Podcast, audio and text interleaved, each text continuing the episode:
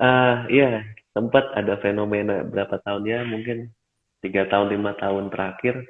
Jadi kadang orang ngomongnya ngopi gitu, yuk ngopi yuk ke mana gitu. Padahal sampai sana yang diminum bukan kopi gitu. jadi bahasanya itu ngopi. Jadi ngopi sama dengan nongkrong kayak gitu. Di mana letak perbedaannya bagi yang buat coffee shop karena suka kopi dengan yang karena ngikutin tren? Oh, um, nggak ada bedanya sih nggak ada bedanya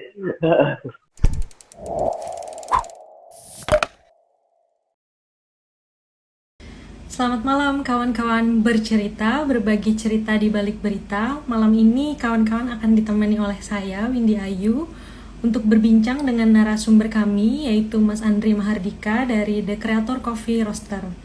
Nah, untuk tema malam ini yaitu tren ngopi anak muda perkotaan seperti yang kawan-kawan tahu nih, lima tahun belakangan ini kan budaya ngopi di kafe itu mulai menjangkiti anak muda perkotaan. Nah, dan bahkan juga udah menjadi gaya hidup nih, seperti di kota Jakarta, Bandung, Jogja, sebenarnya hanyalah beberapa wilayah utama yang memperkenalkan dan menularkan budaya hidup ngopi ini.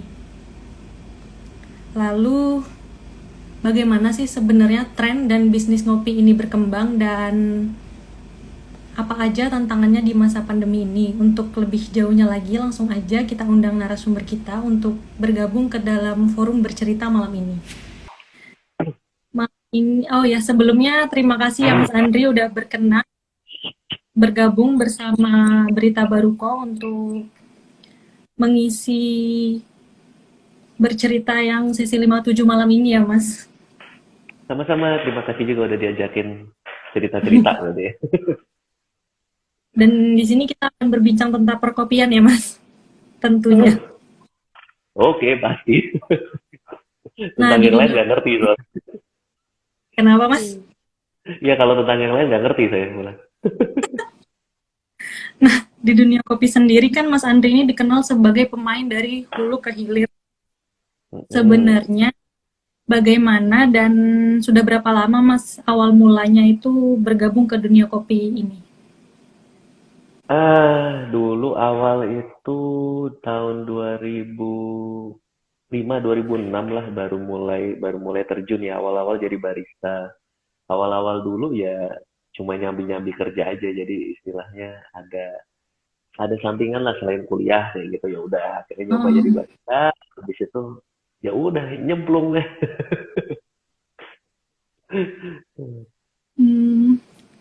Nah, meskipun Mas Andri juga telah malang melintang nih, Mas, ke berbagai wilayah terkait kegiatan hmm. perkopian, uh, di Jogja sendiri kan sebagai warga Jogja tuh Mas Andri pasti mengamati kan kalau kedai kopi di Jogja ini mulai menjamur. Tanggapan Mas Andri terhadap hal ini apa sih? Ya, aku sih ngelihat itu fenomena awalnya tahun 2010-an udah mulai jadi tahun 2000 sebelum tahun 2010 tuh bisa dihitung. Kita pasti bisa ngitung coffee shop ada berapa segala macam. Bahkan pada saat saya masuk ke dunia kopi di Jogja itu masih baru lima lima coffee shop lima kedai kopi yang ada di Jogja. Hmm. terus um, ya setelah 2010 2012 kayak gitu udah makin gak kehitung 2015 gak kehitung ya saya ngelihatnya uh, sisi positifnya adalah berarti makin banyak orang yang butuh kopi selain bisnis ya selain bisnis mungkin uh, pemodal atau um, orang yang tertarik terhadap kopi itu berarti semakin banyak baik iya. itu dari peminum maupun pelaku juga jadi ya mm-hmm. saya yang terjun ke dunia kopi jadi tambah rasa optimis dalam menggeluti bisnis kopi ini mas uh, apa sih kiranya hal yang paling krusial sebelum kopi ini disajikan ke penikmat kopi di kafe-kafe? Uh, uh, kalau yang paling krusial itu sebenarnya kalau halnya ya halnya itu kerjaannya itu kontrol. Nah, kontrol ini mulai dari uh, tadi sempat disinggung juga hulu sampai hilir. Jadi mulai dari kebun, kebun pun mulai dari penanaman, pemilihan lahan yang dipakai untuk uh, tanamannya itu sendiri, habis itu perawatannya seperti apa, setelah itu ada proses pasca panen, setelah itu pengeringan dan lain-lain, habis itu ada roasting, entah itu barista atau penyeduhnya kayak gitu. Bahkan sampai yang peminum pun juga itu sebagai bagian dari rantai itu sebagai bagian dari kontrol akan kualitas kopi itu sendiri. Untuk pemilihan lahannya itu untuk penanaman kopi sendiri biasanya yang gimana sih mas? Uh, uh, kalau kita ngomong lahan uh, banyak hal yang harus diperhatiin sih. Cuma basicnya biasanya orang pengen nanam kopi ini kan jenisnya ada ada beberapa ya. Ada arabica ada robusta dan lain-lain kayak gitu. Nah uh, arabica biasanya itu ditanam yang lebih tinggi entah 1000 meter di atas permukaan laut atau di atasnya kayak gitu. Robusta itu bisa ditanam yang agak rendah kayak gitu. Itu mulai dari ketinggiannya. Itu nanti uh, biasanya uh, tanaman kopi itu ditanam itu di di lahan yang sudah ada naungannya atau bahkan uh, naungannya ditanam dulu. Jadi ada tanaman lain yang tinggi-tinggi yang sifatnya sebagai penduh juga gitu. Terus juga uh, kemiringan dan lain-lain karena uh, tanaman kopi kan juga harus dirawat. Berarti ada manusia ada orang yang harus merawat ke sana. Jadi lebih mudah dilewati akses gampang nanti juga pas panen gampang. Jadi tanamannya terus terawat panen terus diambil jadi ya semakin bagus lah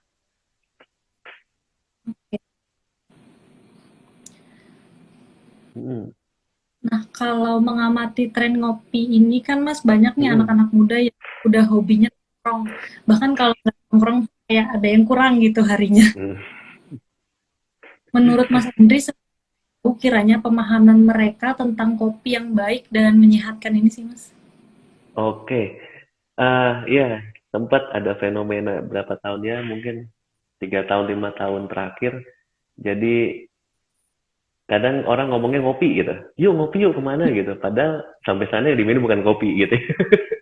jadi bahasanya tuh ngopi jadi ngopi sama dengan nongkrong kayak gitu tapi uh, belakangan ini akhirnya orang yang udah udah melek dan udah udah apa ya milih ya udah milih terhadap kualitas. Bahkan sebelum sebelum kualitas pun itu kayak orang udah uh, ngelirik ini kopi dari mana nih? Kayak gitu. Terus yeah. Iya. uh, kopi jenis siapa? Kayak gitu. Jadi hal-hal dasar itu juga udah mulai banyak ditanyakan. Jadi um, tuntutannya adalah berarti orang-orang yang nongkrong itu sekarang semakin teredukasi dengan dengan banyaknya info, informasi-informasi dan lain-lain, baik itu dari teman informasinya maupun sosial media atau bahkan orang yang nyari informasi sendiri karena uh, pengen ngerasa tahu, mereka ngerasa tahu tentang kopi kayak gitu kan. Habis itu akhirnya jadi tahu kayak gitu. Terus ada yang juga uh, dari barista atau dari pelaku kopi yang akhirnya menyebarkan racun ya dalam arti menyebarkan informasi tentang kopi kayak gitu. Jadi tuntutannya adalah gimana sih si yang berhubungan langsung dengan uh, penikmat kopi itu langsung bisa menginformasikan hal yang benar, menginformasikan banyak hal tentang kopi yang baik, kopi yang sehat kayak gitu. Jadi akhirnya hubungannya mulai dari uh, petani, roster, barista sampai uh, penikmat itu Penik. seperti punya hubungan gitu. Jadi seperti punya hubungan walaupun nggak ketemu secara langsung kayak gitu, tapi ada cerita yang bisa disampaikan. Sejauh Mas Andri sering menjadi juri di kompetisi perkopian nih Mas, menurut Kok Mas Andri apa? Iya iya terus. Menurut Mas Andri, apa parameter yang dinilai menjadi penentu berkualitasnya sebuah jenis kopi tertentu sih, Mas? Oke, ngopi dulu ya berarti ya. um, ya kebetulan aja kebetulan, habis itu ya oh, apa ya makasih makasih kepada orang-orang yang ngajak uh, tempat ngejuri lah ke beberapa ke beberapa tempat kayak gitu Mm-hmm. Uh, ya sebenarnya intinya nggak ada perbedaan gitu, maksudnya juri maupun uh, orang yang dijuriin karena masing-masing fokus ke bagiannya masing-masing kayak gitu. Tapi akhirnya uh, kalau sekarang ya, kalau zaman sekarang itu ya itu karena udah, semakin banyak kopi yang berkualitas di Indonesia sendiri itu banyak banget kopi yang berkualitas, jadi setiap ada kompetisi gitu kita udah pasti mendapatkan kopi yang berkualitas gitu. Jadi si barista juga udah bisa memilih kopi-kopi yang baik. Jadi kita sebenarnya memilih kopi yang ba kopi yang yang apa ya, yang yang pada saat itu itu menunjukkan perform yang lebih bagus daripada kopi baik yang lainnya. Nah, kalau zaman-zaman dulu memang uh, banyak banyak informasi dan banyak kopi yang beredar itu mungkin ada yang belum dikontrol secara baik. Ya. Tapi sekarang sih udah udah oke okay, gitu. Nah, kalau di penjurian sendiri itu kompetisinya macam-macam. Soalnya ada kompetisi barista, barista itu pakai uh, espresso mesin dan lain-lain, espresso base kayak gitu. Terus ada uh, lomba brewer gitu kompetisi brewer brewer itu dengan alat-alat manual alat seduh manual kayak gitu itu uh, penilainya beda-beda gitu cara cara menilainya juga beda-beda. Nah selain kopinya sendiri si barista ini si brewer ini juga dia mempresentasikan mempresentasikan apa yang mereka bawa mempresentasikan pesan-pesan dari uh, kopinya itu sendiri. Jadi uh, petaninya memprosesnya secara apa, rosternya merostingnya secara apa, kayak gitu. Jadi uh, kayak menyampaikan kepesan kepada juri, juri menerima dan akhirnya mencocokkan dengan apa yang disajikan. Disajikan, oke. Okay. Terkait dengan suplai kopinya nih, Mas, Mas Andri hmm. udah ke mana aja di Indonesia ini atau bahkan di luar? nggak nggak ke mana-mana. Saya masih di Indonesia terus aja lah. Enggak jadi uh, ya kalau kalau ke beberapa beberapa teman ya bahkan bahkan uh, udah seperti keluarga gitu ya udah seperti keluarga ke teman-teman di petani dan lain-lain. Ya mulai dari paling barat itu ke Gayo itu lumayan lumayan sering ke tempatnya uh, salah satu keluarga juga di sana jadi udah udah udah saya hmm. anggap kayak kayak keluarga sendiri gitu. Karena kalau ke sana tuh udah kayak pulang kampung malah kayak gitu. Jadi setahun bisa berapa kali kayak gitu ke Aceh Gayo itu Aceh Tengah.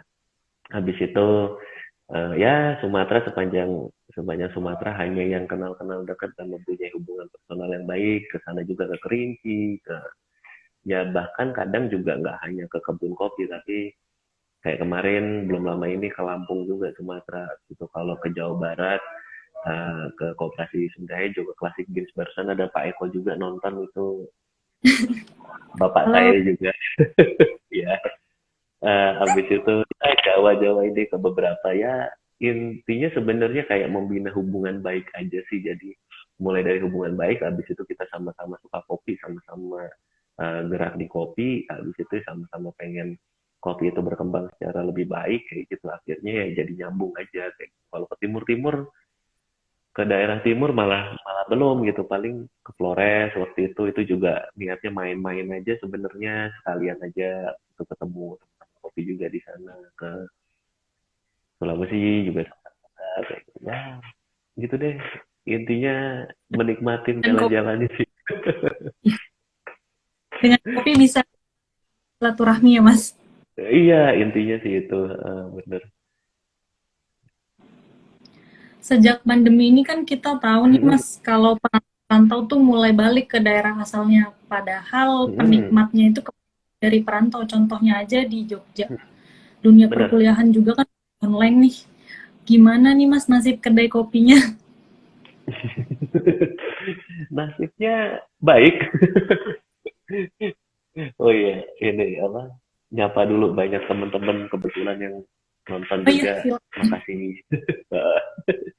Kalau uh, ya gampangnya gini aja sih maksudnya zaman dulu zaman dulu itu sepas ya sebelum pandemi gitu ya, kita ngomong pandemi sebelum pandemi mungkin di kota-kota besar uh, banyak kopi itu berkembang banget ya gitu tapi di di beberapa daerah mungkin uh, nggak sepesat di kota besar gitu. Tapi sekarang positifnya yeah. adalah uh, perantau-perantau itu atau mahasiswa-mahasiswa, contoh kayak di Jogja gitu, mahasiswa-mahasiswa yang akhirnya balik ke kampungnya, itu ternyata uh, menyebarkan informasi tentang kopi juga gitu. Jadi karena mereka dapat uh, informasi yang banyak gitu pada saat dia merantau, habis itu pada saat dia balik, dia mencari. Nah pada saat mencari berarti kan ada permintaan sebenarnya. Nah akhirnya yeah. di di itu sendiri jadi banyak gitu. Jadi uh, saya sendiri juga uh, kebetulan saya juga uh, jual beli juga ya bisnis juga di kopi gitu. Jadi saya juga mengamatin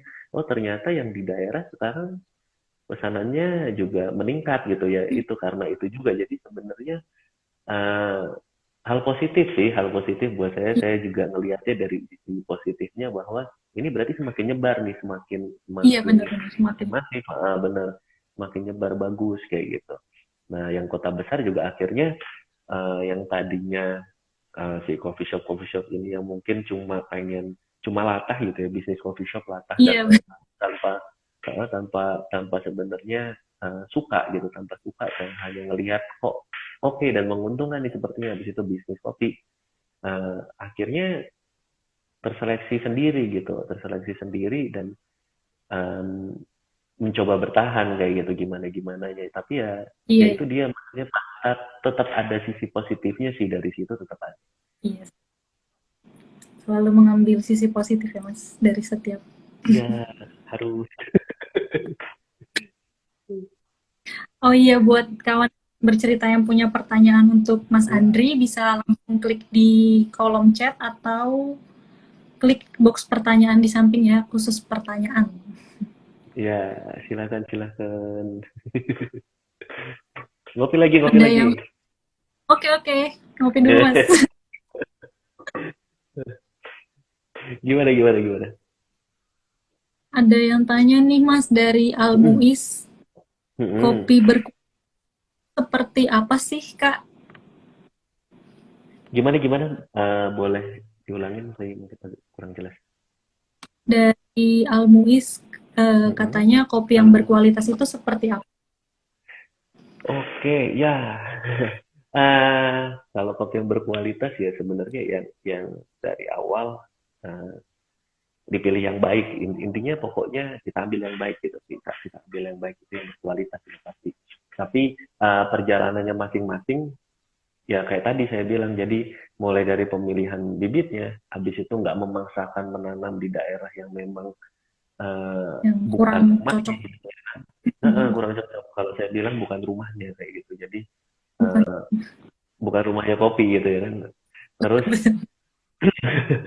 ya habis itu uh, apa namanya di diproses dengan baik, di roasting dengan dengan baik dan mengerti gitu. Habis itu diseduh juga dengan baik kayak gitu. Akhirnya harusnya kopi itu berkualitas.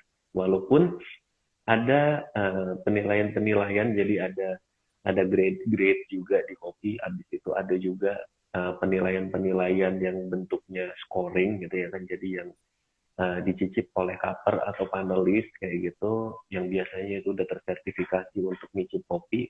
Habis itu nanti keluar angkanya.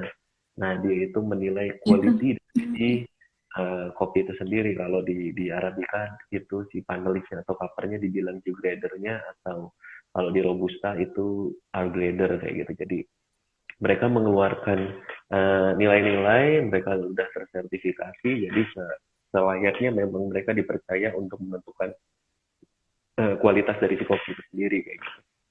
Tapi hmm. balik lagi, uh, balik lagi gitu, uh, ada proses sebelum-sebelum itu dan juga uh, lebih baik ya kita tahu juga gitu, kita tahu juga dengan kita tahu rantai-rantai um, sebelum itu berarti kita juga uh, akhirnya bisa membina silaturahmi juga ke banyak orang di kopi gitu. Jadinya hubungan di kopi juga makin terjaga lah.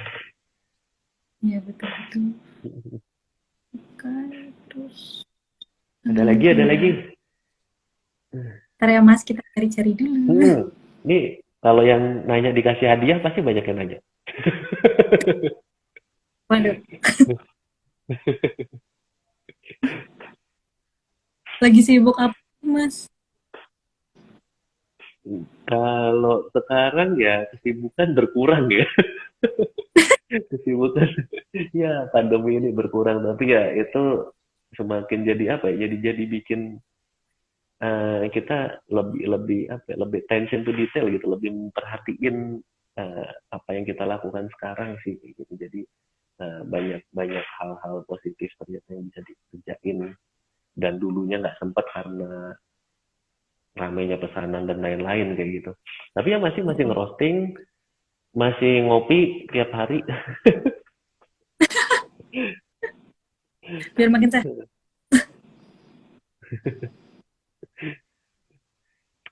Gimana Hmm, gimana? Ada lagi? Ada lagi? Ada pertanyaan nggak nih? ntar nih lagi nyari. Hmm, tuh malah malah di komen tuh. Tegang katanya gue. Nggak ngopi sih jadi tegang. Hmm, hmm, kayaknya nggak ada sih mas, nggak ada lagi. Hmm, ini ada yang ada yang nanya nih. apa tuh? Apa ini? Eh, oh Mas Kuli Jatmiko ya terus minum kopi waktu terbaik waktu terbaik minum kopi sebenarnya kapan? Oh iya, Nah, boleh tuh tahu teman-teman. eh, eh. Ngopi terbaik itu waktunya pada saat kita pengen ngopi. Iya, jadi kalau apa ya, maksudnya ya banyak-banyak fakta-fakta yang tentang kesehatan. eh, kalau bahkan di negara-negara tertentu itu ngopi itu kayak kopi dengan susu gitu, cappuccino itu dinikmati hanya sampai jam berapa, pagi doang kayak gitu. Di, ya itu balik lagi ke budaya masing-masing gitu, ke budaya masing-masing Iya daerah. Dan dulunya mungkin ada penyebab dari eh, budaya itu muncul kayak gitu. Tempat juga ngobrol-ngobrol sama Pak Eko tadi ada nonton juga beliau itu luar biasa pengalamannya di budaya-budaya kayak gitu ya beliau sempat cerita beberapa budaya ngopi juga tapi ya memang beda-beda. Intinya pada saat kayak saya nih gitu saya mungkin nggak ada nggak ada budaya dari masa kecil atau nggak ada nggak ada bentukan dari masa kecil bahwa ngopi itu kapan. Bahkan eh, saya kecil ya lihat lihat ayah saya lihat bapak saya itu setiap waktu ngopi gitu habis makan ngopi sebelum makan ngopi malam mau tidur malah ngopi kayak gitu gitu jadi eh, dan saya juga kejadian akhirnya di diri saya ya ya saya ngopi pada saat saya pengen ngopi. Dan tubuh juga pasti ngerespon bahwa ah udah kebanyakan ngopi ini ah, perutnya lagi nggak enak nih ntar kalau dikasih kopi ntar gimana? Gitu. Akhirnya tubuh sendiri yang yang ngasih ngasih pesan. Ngasih pesan kalau butuh. sinyal Ada yang nanya nih Mas dari suluk kebangsaan. Dari sekian Iya. pilihan profesi, apa Mas Andri memilih dunia perkopian? wow em, halo halo salam kenal atau mungkin sudah kenal tapi lupa. eh, jadi eh, eh, gimana ya Eh, ini kayak bukan pilihan gitu jadi jadi kalau pilihan kan jadi kayak ada pilihannya banyak ada ada beberapa beberapa hal lain gitu beberapa profesi lain gitu ini kayak udah udah dijalanin gini aja gitu jadi kayak udah ya ya saya nganggap ini dulu bukan pilihan gitu bukan pilihan tapi memang udah di jal- jalan jalannya udah kayak gini udah dibentuk kayak gini nah udah dibukain Takdir. jalan nah di situ udah kita tinggal heeh ya moga-moga ya moga-moga takdir gitu. Baik-baik ya Mas. Jadi ya udah tinggal dijalanin aja di, di, di, diseriusin deh gitu. Itu tadi kok Ada yang ada bilang katanya Pak Eko mau nanya susah nggak ngajar murid-murid kopi Mas Andri waduh Pak Eko Pak Eko susah nggak ngajar saya? Saya nanya balik.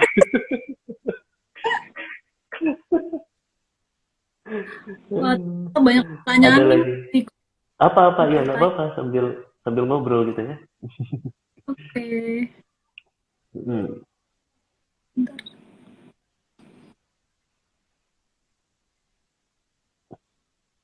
Apa lagi Bentar, bentar. Oh, dari Brahman Murti. Mas Andri, di mana letak perbedaannya? Katanya di mana letak di mana letak perbedaannya bagi yang buat coffee shop karena suka kopi dengan yang karena ngikutin tren? Oh, em, nggak ada bedanya sih. Nggak ada bedanya. Eh, gini gini. Em, secara secara kulit luar gitu, secara kulit luar orang yang bikin bikin usaha kopi tapi beneran suka kopi akan akan eh, mengeluarkan idealisme idealismenya ke bisnisnya akhirnya kayak gitu. Tapi eh, orang yang hanya uh, pemodal aja yang nggak nggak begitu ngerti kopi gitu dia pengen bisnis kopi dia kan juga melibatkan orang yang ngerti gitu dan orang yang ngerti yang Oh, iya. dilibatkan juga punya punya idealisme juga gitu. Akhirnya orang yang datang juga nggak akan begitu banyak uh, tahu perbedaannya. Ini yang ownernya ini orang kopi atau yang bukan ya? Orang ngerti kopi atau enggak ya gitu. Karena yang ngejalanin juga kadang uh, orang kopi juga gitu. Bahkan kalau di om kalau dibilangin uh, lihat nanti keberlangsungannya konsistensinya gitu.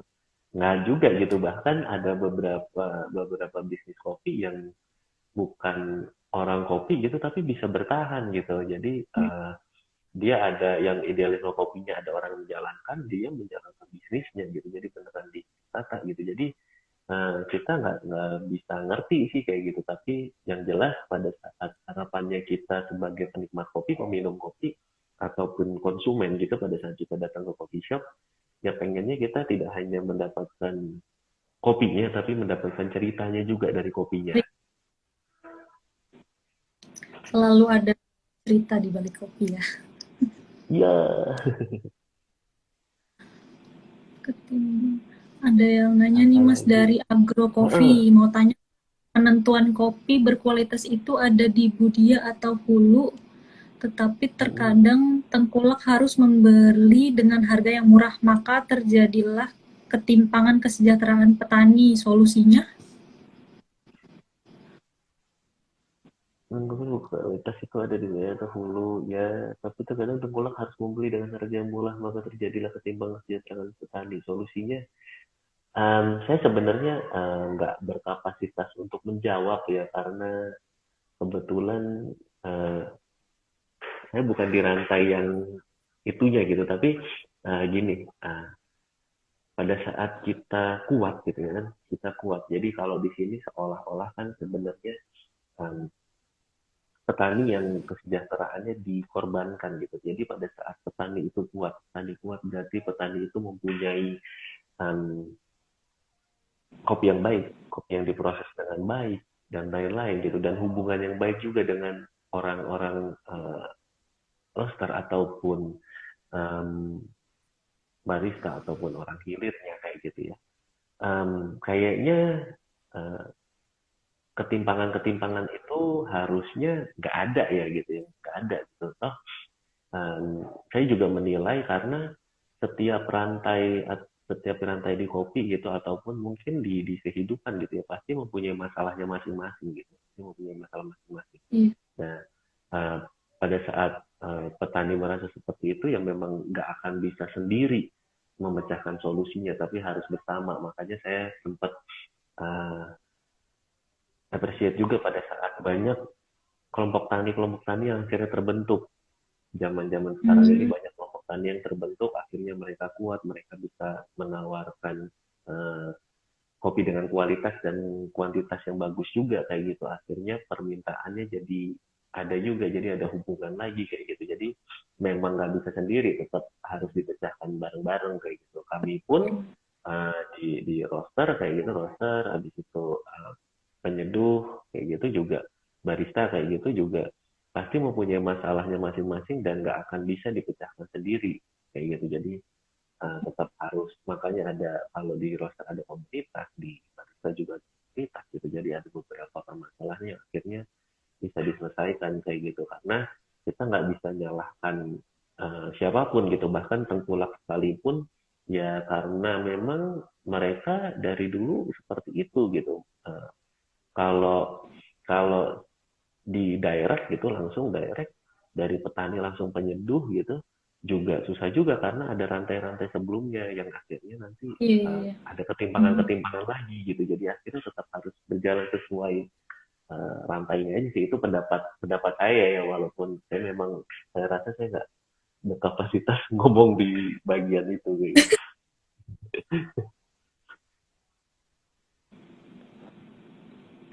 Hmm. Hmm, ada lagi Ada. ada lagi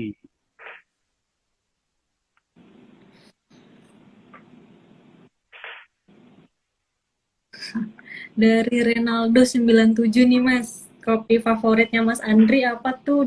Kenapa kopi itu Hmm. menjadi kopi favoritnya Mas?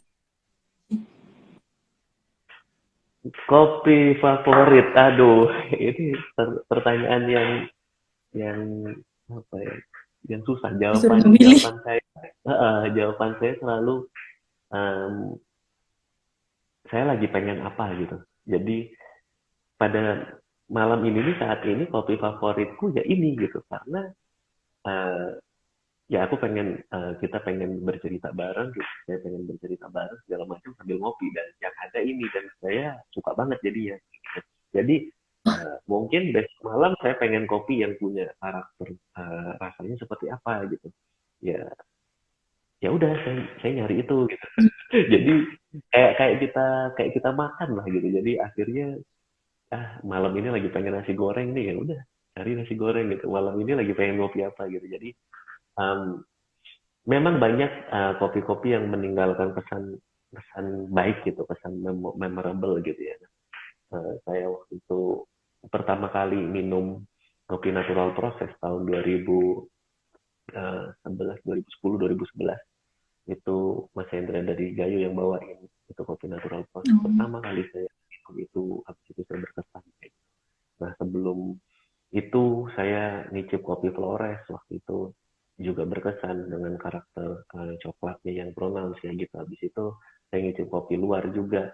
Oh ternyata itu juga berkesan kayak gitu. Oh kayak gini kayak gini. Gitu. Jadi um, ya begitu sih. Jadi ada memang beberapa yang berkesan tapi kalau ditanya favoritnya apa sekarang ya sekarang lagi ini favorit saja gitu. Nanti mungkin pengen yang lain lagi gitu. Berarti suasana hati aja ya mas? Iya, yang penting kita tahu bahwa uh, yang kita minum, yang masuk ke tubuh kita itu baik gitu. Uh, ada lagi nih Mas yang nanya dari ya. Adi Catur. Halo Mas Andri, gimana halo, dampak halo. gimana dampak PPK dari kopi dan event-event kopi di Jogja Mas? Makasih. Hihihi. Ah dampaknya ya pasti pasti berdampak gitu ya kan. Tapi um, ya saya ngelihat uh, saya ngelihat banyak banyak yang terdampak uh, positif maupun nggak um, baik gitu ya. Ada juga yang terdampak positif kok ternyata gitu. Jadi uh, nggak nggak semua itu um, jadi jadi apa ya mengeluh dan dan bersedih gitu yang terdampak positif juga banyak kok. Jadi um, kalau dampak pasti ada karena ada ada sesuatu ya. Um, terus kalau ya saya cuma harapan ya harapannya itu ya ya jadiin apa ya, maksudnya kopi ini udah kayak kebutuhan kok gitu walaupun memang bukan kebutuhan uh, pokok ya bukan kebutuhan primer gitu. Jadi hmm. tapi tetap tetap orang butuh gitu. Jadi harapan saya ya orang nggak nggak ya nggak putus asa di kopi gitu loh. Jadi terus aja banyak yang bisa dilakukan kok gitu. Terus uh, mungkin kalau kayak ini teman-teman di Classic Bean sudah hijau gitu ya kan ya ya kopi di di kebun gitu. Ya udah kalau di kafe susah nanam aja kan gitu kan karena kalau hidup di hutan kan apa apa ada makan gampang. Kami tetap bisa melakukan hal di kopi gitu. Tapi ya itu. Jadi kalau ada teman yang di hilir kayak saya gitu ya ya saya nikmatin aja gitu. Saya nikmatin aja masa ini saya ngambil positifnya saya jadi lebih banyak ngobrol sama orang tahu gimana gimana juga. Gitu. Jadi semua pasti terdampak kok. Nah kalau event-event event-event kopi di Jogja sendiri memang um, di tahun 2020 ya, dua tahun 2020 awal itu memang sempat berhenti, itu akhir tahun itu sempat ada beberapa event juga sempat diajak diadain dengan uh, prokes dan lain-lain. Terus tahun 2021 ini juga sempat ada beberapa event juga, event kecil-kecil kayak gitu tetap ada prokesnya juga karena memang itu udah kayak jadi budaya Nah, orang-orang di hilir gitu ya kan ada event-event kopi baik itu bentuknya uh, talk show, bentuknya uh, coaching, bentuknya uh, kompetisi, lomba kayak gitu. Jadi itu udah kayak hiburan juga hiburan buat uh, teman-teman kopi di hilir kayak gitu. Tapi akhirnya uh, banyak pihak juga yang udah merencanakan event apa yang cocok ya di masa pandemi kayak gitu akhirnya banyak yang berputar otak juga dan saya lihat udah banyak event juga yang uh, disesuaikan juga dengan masa pandemi jadi tetap tetap jalan kok gimana uh, kita nanggepinnya sih yeah. gitu hmm.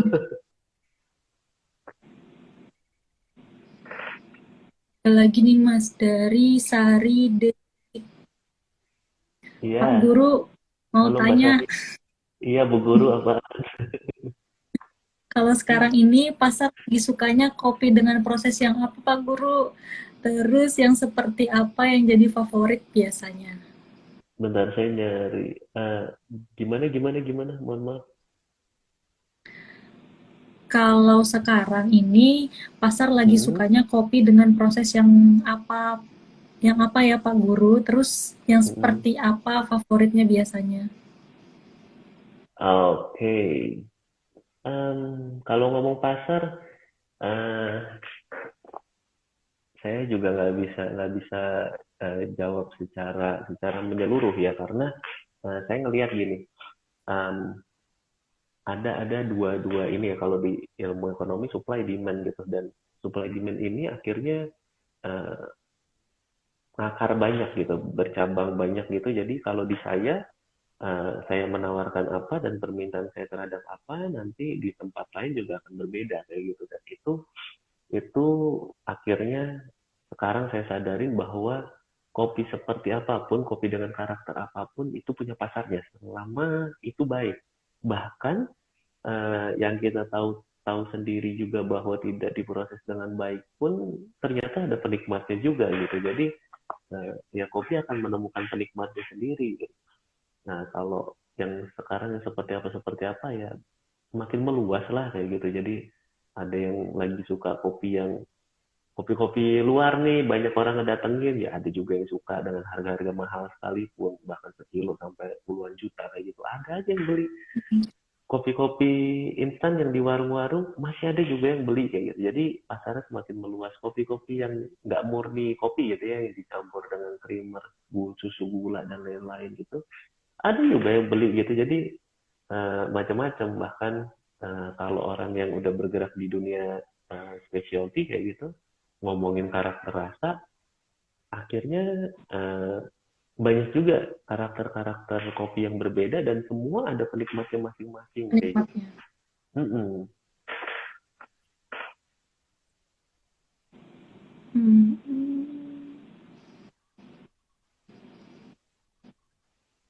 Apalagi, wah banyak ya ternyata ya. Halo semua, terima kasih.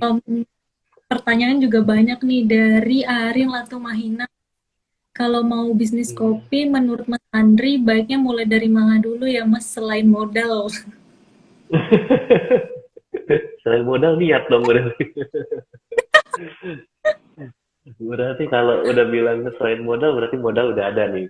Ya udah tinggal kalau modal udah ada, um, ya coba dijalanin dulu. Coba dijalanin adalah kita coba ngeliat, coba ngeliat yang disuka di mana gitu. Uh, saya saya tetap saya tetap karena saya menjalani apa yang saya suka gitu jadi akhirnya saya juga menyarankan itu jadi hmm, terlihatnya bahwa bisnis coffee shop menjual uh, minuman kopi air gitu lebih menguntungkan tapi biaya operasional tinggi uh, habis itu uh, roaster gitu roaster uh, terlihat juga menguntungkan tapi butuh belajarnya juga banyak banget sekaligus pada saat kita uh, gagal itu juga yang dikorbankan banyak karena ngerosting kalau kopi kayak gini nih hmm. gitu satu gelas gitu paling butuh 10 gram sampai 15 gram gitu. Hmm.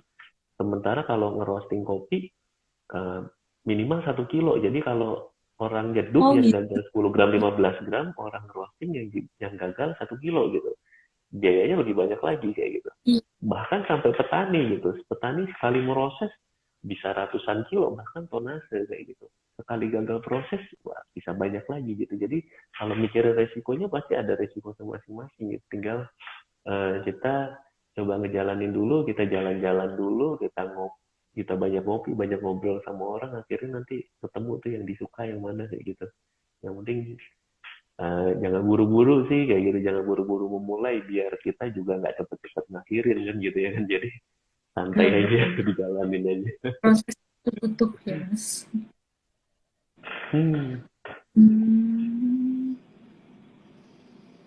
Ada yang nanya nih Mas dari KHR besar, Mas Andri bikin kelas daring, share ilmu soal kopi sekalian silaturahmi virtual.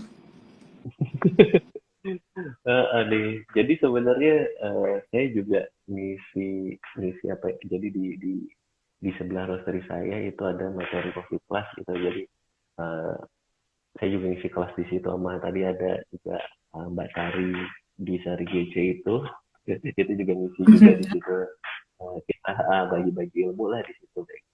Tapi intinya sebenarnya pada saat pandemi kayak gini akhirnya tetap muka dikurangin dan lain-lain ya.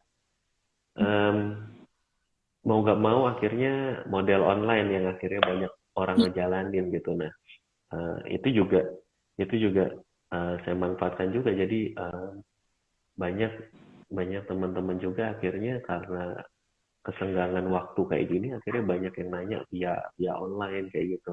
Jadi modelnya tetap ya sharing-sharing aja. Jadi bukan bukan kayak kelas gitu. Karena kalau udah orang orang udah terjun ke kopi gitu kan hanya sebenarnya minta share pengalaman aja. Mungkin karena dianggap uh, pengalaman saya lebih jadi saya ditanyain gitu. Begitupun saya ke teman-teman uh, yang lain atau mungkin senior senior saya banyak kayak gitu. Saya juga menanyakan banyak hal kayak gitu karena pengalaman mereka lebih.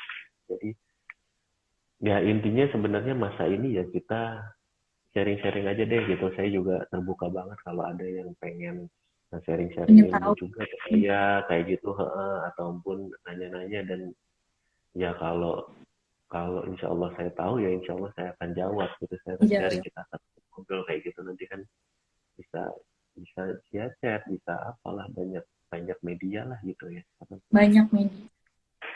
Hmm. Berarti belum ada niatan ya Mas buat buka Eh, pernah waktu itu sempat eh, ngerekam buat salah satu eh, ada ada inilah ada vendor yang minta saya bikin bikin materi kayak gitu bikin materi Hmm, eh, teduh kayak gitu.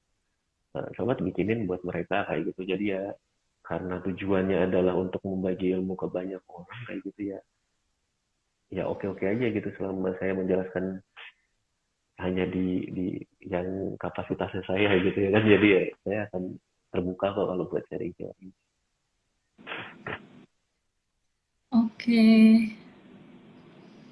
Ada lagi nggak? banyak nih banyak nih Kolom chat juga banyak. Ya, ada lagi nggak? Ya ada Mahut Boge. Mas kalau dipresentasikan mengenai kopi manakah yang memiliki peran penting terkait kopi roaster dan barista? Untuk satu cangkir yang nikmat menurut Mas. Ya, ya.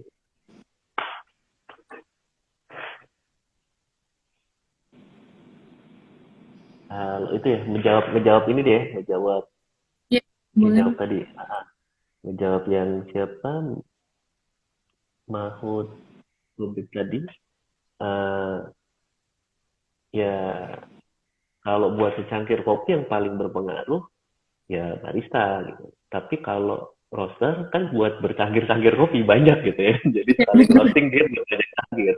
Tapi kalau hanya secangkir ya barista gitu. Nggak sih tapi sebenarnya semua pasti punya peranan penting masing-masing gitu. Jadi saya sering dengar bahwa eh, berapa persen itu perannya adalah petani, berapa persen roaster, berapa persen barista buat saya, semua itu berperan gitu, semua itu berperan dan uh, uh, resikonya juga masing-masing dari semuanya kayak gitu dan uh, bagiannya juga masing-masing. Jadi uh, saya nggak akan bilang besaran mana dan lain-lain. Harapan saya cuma semua itu ya menghargai perannya dan memaksimalkan perannya gitu. Oke. Mm-mm. Hmm.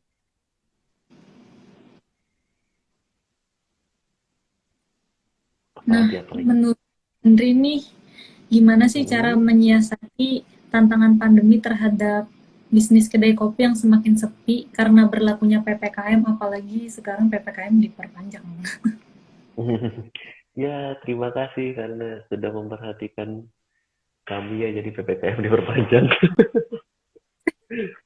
uh, gimana ya? Uh, saya saya saya nggak nggak nemu nggak nemu solusi sih. Gitu. Saya cuma saya cuma besar harapan dan optimis aja gitu, optimis bahwa uh, kopi ini kebutuhan gitu balik lagi ke yang tadi bahwa kopi ini kebutuhan banyak orang masih nyari kopi banyak orang masih minum kopi dan pengen minum kopi kayak gitu gimana caranya gitu uh, berarti permintaannya masih banyak dong gitu. Jadi kita harus yeah. menawarkan. Nah, tinggal kita yang menawarkan itu ngerti apa permintaan mereka itu apa kayak gitu. Bahkan sekarang banyak juga yang akhirnya menciptakan pasar-pasar baru gitu. Contoh um, tahun lalu gitu tahun lalu di awal-awal pandemi kita sempat sempat banyak banyak teman-teman juga yang memproduksi kopi dalam produksi yang besar gitu. Satu literan literan dan lain-lain kayak gitu ya. Nah, dan saya lihat sebenarnya ini kayaknya bukan dari permintaan deh ini dari penawaran gitu jadi uh, bagaimana si, si, si pelaku kopi ini si si coffee shop coffee shop kayak gitu memikirkan cara apa yang paling cocok di masa pandemi ini gitu. Jadi akhirnya bikin kopi literan yang bisa sekali beli aja untuk minum banyak kayak gitu sekeluarga dan yeah. lain kayak gitu. Habis itu di masa ppkm ini nggak ada nongkrong di coffee shop, jadi nongkrongnya di rumah temen gitu. Berarti tetap aja kumpul-kumpul gitu kan. akhirnya akhirnya ya udah minum kopinya barengan kayak gitu. Dan juga meminimalkan uh, sampah juga pada saat kita mesennya langsung porsi besar gitu. Kalau porsi kecil kan sampai jadi banyak gitu ya. Gitu. Mungkin ada beberapa orang yang peduli itu dan lain-lain kayak gitu. Uh, tapi intinya um, kita pasti pasti uh, ngerti gitu kita pasti ngerti kita akan berusaha mencari masalah gitu eh mencari pemecahan masalah jadi uh, pada saat ya masalah orang kan beda-beda gitu ya coffee shop A dan coffee shop B mungkin hmm. mungkin beda juga masalahnya gitu. jadi di Jogja ini uh, permasalahannya adalah uh, ada coffee shop yang bermasalah karena baru buka sore malam sudah tutup kayak gitu ya kan yeah. habis itu mengganti jam operasional dan pasti juga customer tidak akan kembali uh, secepat itu karena yeah. tahunya coffee shop A ini memang bukanya jam 5 biasanya kayak gitu ya. nah pada saat dia mengganti jam operasional apakah itu sebagai solusi gitu kan pasti ada proses juga hmm.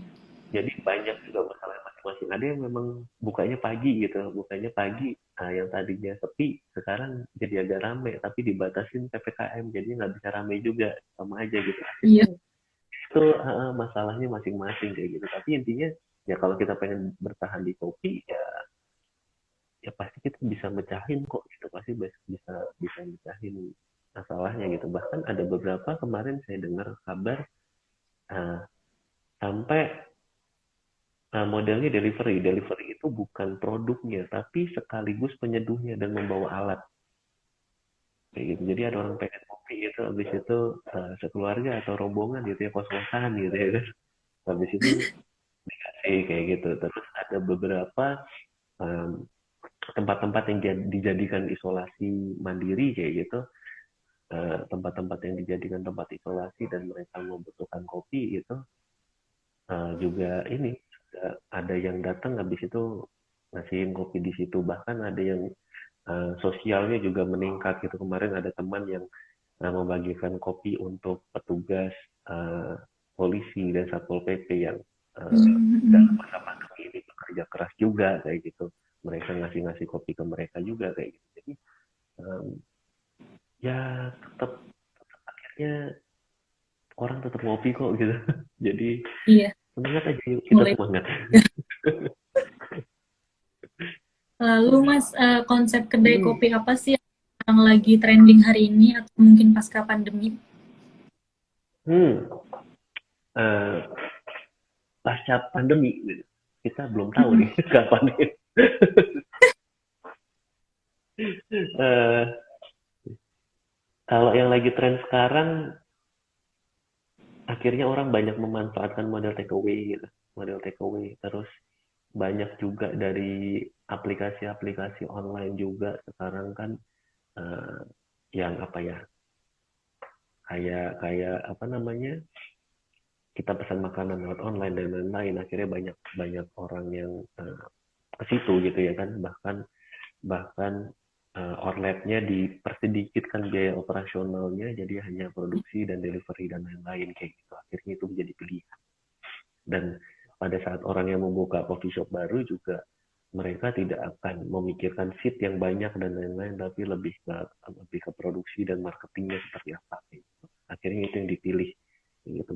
Ada juga akhirnya uh, beberapa yang lebih memutar otak mencari gimana uh, mendapatkan pasar gitu. Bahkan ada uh, coffee shop coffee shop yang ngasih bukan produk jadi jadi produk setengah jadi ini hmm. bisa anda beli habis itu nanti bisa di rumah nyeduh di rumah caranya udah dikasih tahu dipermudahkan dan lain-lain dibentuk secara instan dan lain-lain jadi bisa ngopi di rumah kayak gitu jadi uh, akhirnya banyak apa ya banyak banyak hal-hal baru banyak inovasi-inovasi kayak gitu bahkan ada beberapa coffee shop juga yang terbebani dengan kalau yang model kita pesan makanan online kan ada potongan dan lain-lain kayak gitu berapa puluh persen kayak gitu.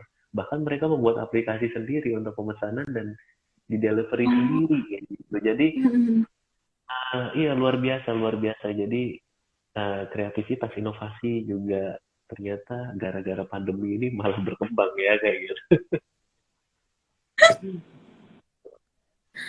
Terakhir nih Mas, pertanyaan iya. dari bercerita, katanya teman hmm. aku ada yang produksi kopi. Nah, itu izin buat produksinya katanya sulit. Apa benar Mas? Uh, uh, temen aku ada yang produksi kopi.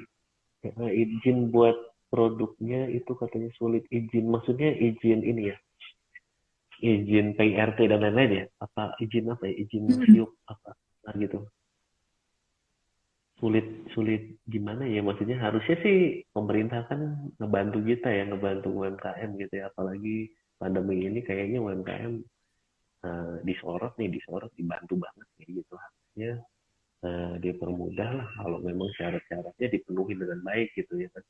Kan kadang yang yang mempersulit kadang kita sendiri tapi kita melimpahkan kesulitan ke orang lain gitu. Tapi uh, intinya intinya sih sebenarnya kalau masalah izin dan lain-lain ya harusnya sih dipermudah lah kayak gitu walau uh, bahkan tapi ya banyak juga maksudnya yang penting kualitasnya baik gitu tapi uh, kalau produk-produk jadi gitu kalau diizinkan dibuatkan izin satu-satu kan akan susah juga tapi lebih ke izin menyeluruhnya ya gitu. Jadi yang penting ya produknya kualitasnya baik di tes pasar hasilnya baik kayak gitu ya harusnya oke oke aja sih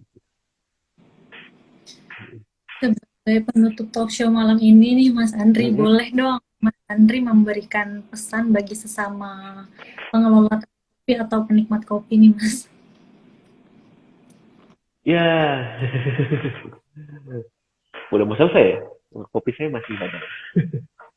Jadi uh, intinya mungkin uh, yang nonton di sini itu banyak juga teman-teman yang udah memang terjun ke dunia kopi, bahkan ada juga mungkin yang baru pengen uh, baru pengen terjun dan lain-lain kayak gitu. Um, optimis aja gitu, optimis aja ke banyak hal gitu, ke banyak hal. Pasti pasti banyak hal positif yang bisa kita dapat kayak gitu. Terus um, kalau tentang kopi sendiri ya ini buktinya saya mungkin udah berapa kali saya nyeruput kopi dan nuang kopi uh, di satu jam ini gitu satu jam ini berarti. Dan orang yang lebih gila minumnya kopi dari saya juga banyak. Dan orang yang minum kopi di Indonesia ini atau di daerah sekitar terdekat lah se-RT ini gitu yang minum kopi itu banyak gitu. Jadi um, terus semangat aja masih banyak orang yang ngopi gitu. Tinggal gimana caranya kita uh, ngerti kebutuhannya orang itu seperti apa. Kita mencari ide dari lingkungan terkecil kita. Mungkin dari keluarga mungkin dari grup keluarga kayak gitu ya kan. Kan kalau keluarga biasa keluarga besar ada grup WhatsApp dan lain-lain kayak gitu. Ada grup RT gitu. Kadang grup warga kayak gitu. Itu adalah itu adalah pasar gitu. Itu adalah pasar itu adalah penikmat kopi lain yang mungkin kita nggak sadar kita hanya melihat yang besar besar aja. Itu dari dari kecil itu akhirnya nanti bisa ke mana-mana gitu. Um, ya itu tadi semangat cari jalan habis itu optimis um, selama kita masih minum kopi gitu ya kan orang lain juga masih minum kopi dan semua pasti masih butuh kopi.